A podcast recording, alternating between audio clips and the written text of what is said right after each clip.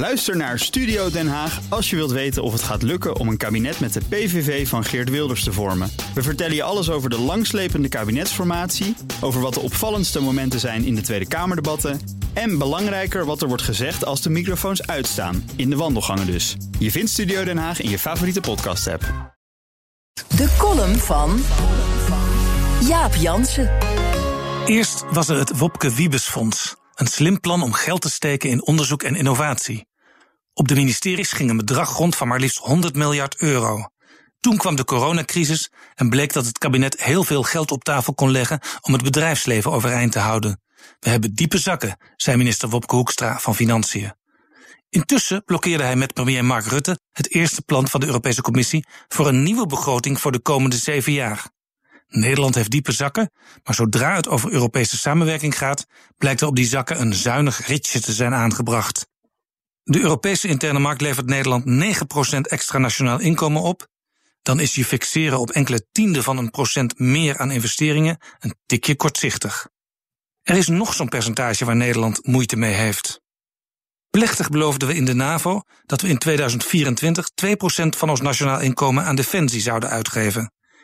Hier wordt de eer van ons land een beetje gered door corona. Want als we in centen doen wat we van plan waren, wordt dat in procenten opeens veel meer als de economie tijdelijk minder goed loopt. Bij ontwikkelingssamenwerking gaat het precies andersom. Ook daar voldoet Nederland al jaren niet meer aan wat we ooit internationaal beloofd hebben. Tenminste 0,7% van ons nationaal inkomen besteden aan internationale hulp. Tijdens de samenwerking met Geert Wilders verlaagde het kabinet Rutte 1 van VVD en CDA dat percentage. En onder Rutte 2 met de Partij van de Arbeid en Rutte 3 met D66 en de ChristenUnie is het nog niet hersteld. Maar nu ons nationaal inkomen door corona terugvalt, kalft de daadwerkelijke hulp in centen nog verder af. Onlangs bepleitte de adviesraad internationale vraagstukken 1 miljard euro extra te besteden aan samenwerking met Afrika, juist om dit continent in deze moeilijke coronaperiode een steuntje in de rug te geven. Het helpt het Nederlandse bedrijfsleven ook.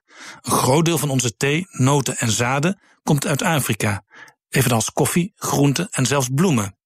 Als het kabinet dit advies overneemt, erkent het dat al dat fixeren op percentages iets heel raars is. Eigenlijk zou je eerst een analyse moeten maken waarom je aan bepaalde doelen geld uitgeeft en hoe doeltreffend dat is. Wat de overheid voor de meeste uitgaven probeert te doen.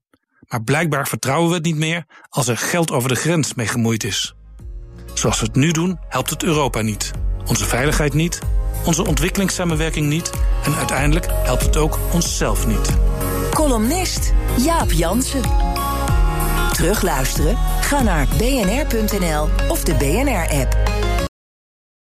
Ook Liesbeth Staats vind je in de BNR-app. Ja, heel handig. Luister live naar Kees en mij tijdens de Daily Move. Dan blijf je ook gelijk op de hoogte van breaking news en het laatste zakelijke nieuws. En daar vind je ook alle BNR-podcasts, waaronder de Perestrooikast. Download nu de gratis BNR-app en blijf scherp.